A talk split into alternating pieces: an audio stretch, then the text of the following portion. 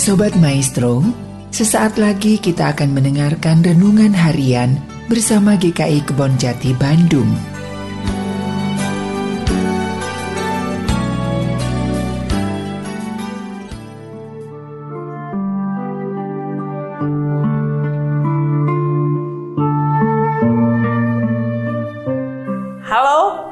Bapak, Ibu, Saudara yang dikasihi Tuhan Yesus Kristus. Jumpa kembali dengan saya Esther Solihin dalam renungan harian hari ini.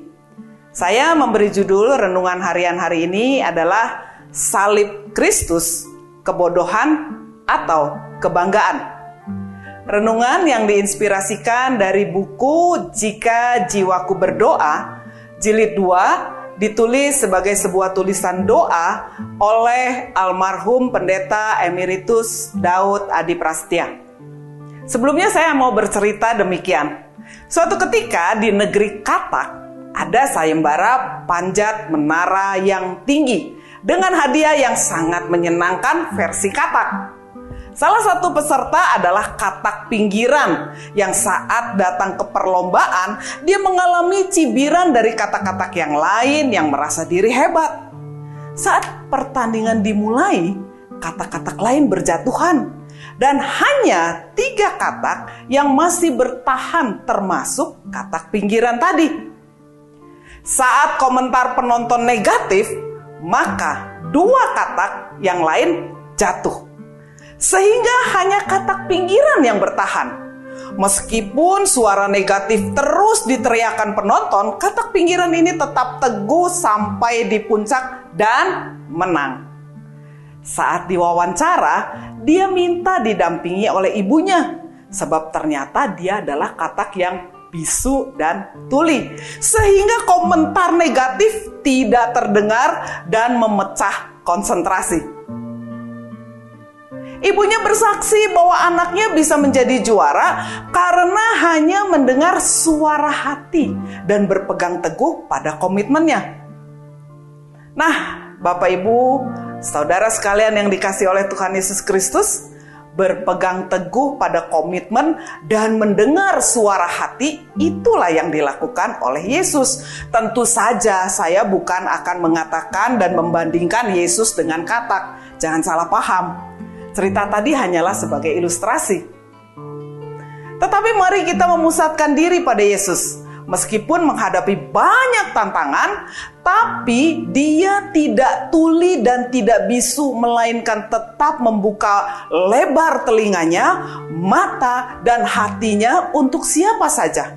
Kasihnya kepada Bapa dan umat manusia kokoh dan teguh dan tidak dapat dipengaruhi oleh siapa pun dan apa pun. Firman Tuhan hari ini saya ambilkan dari kitab Yohanes pasal 4 ayat 34. Kata Yesus kepada mereka, "Makananku ialah melakukan kehendak Dia yang mengutus aku dan menyelesaikan pekerjaannya."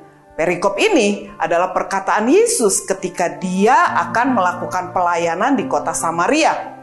Setelah berjumpa dan bercakap-cakap dengan perempuan Samaria di pinggir sumur. Orang Yahudi biasanya memilih untuk tidak melewati daerah Samaria, apalagi sengaja mengadakan komunikasi dengan orang Samaria. Perempuan pula bagi orang Yahudi, apalagi yang kerap dipanggil guru, sikap dan tindakan seperti Yesus seperti tadi itu adalah hina dan najis. Tetapi Yesus dan rombongan justru dengan sengaja melintasi Samaria, berhenti, dan bahkan berkomunikasi dengan seorang perempuan yang bagi orang Samaria sendiri adalah perempuan yang tidak benar. Dia adalah perempuan tunasusila. Yesus tidak buta dan tidak tuli. Mata dan hatinya melihat dan memahami situasi dan kondisi perempuan Samaria ini. Tetapi Yesus meruntuhkan tembok kekudusan dan kesucian yang dibangun oleh orang Yahudi menurut ukuran Yahudi atau lebih tepatnya menurut ukuran para Farisi. Jadi walaupun perempuan ini berdosa, Yesus tetap menjalin komunikasi dan memberitakan tentang pengampunan dan kasih Tuhan pada orang yang dianggap hina.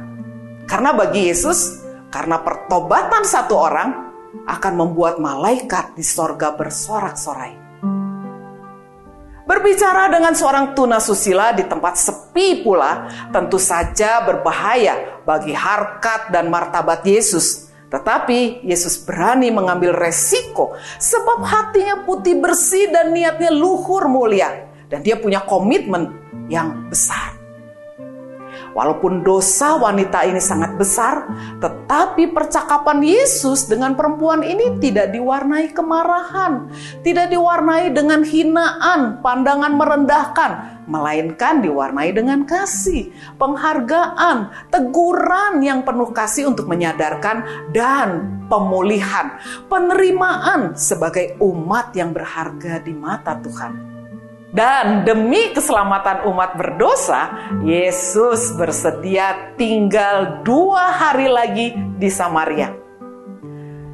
Bapak, Ibu, dan saudara sekalian yang dikasih oleh Tuhan Yesus Kristus, apa yang dapat kita pahami dari renungan harian hari ini? Demi menyelamatkan kita semua, Yesus bersedia menentang arus.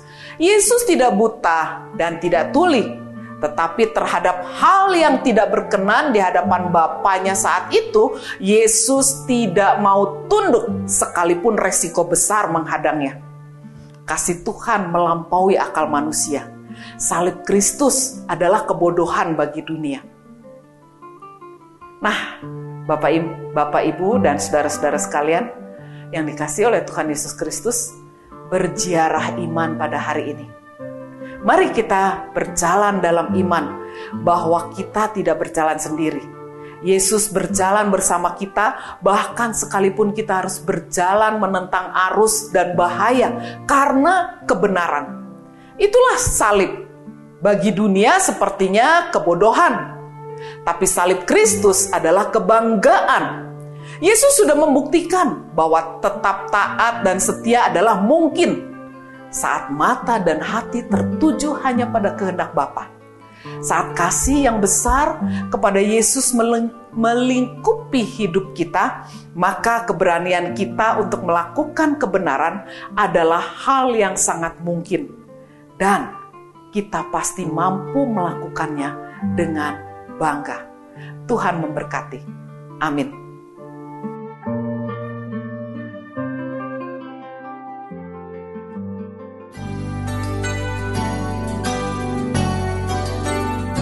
Sobat Maestro, baru saja Anda mendengarkan renungan harian bersama GKI Kebon Jati Bandung. Tuhan Yesus memberkati.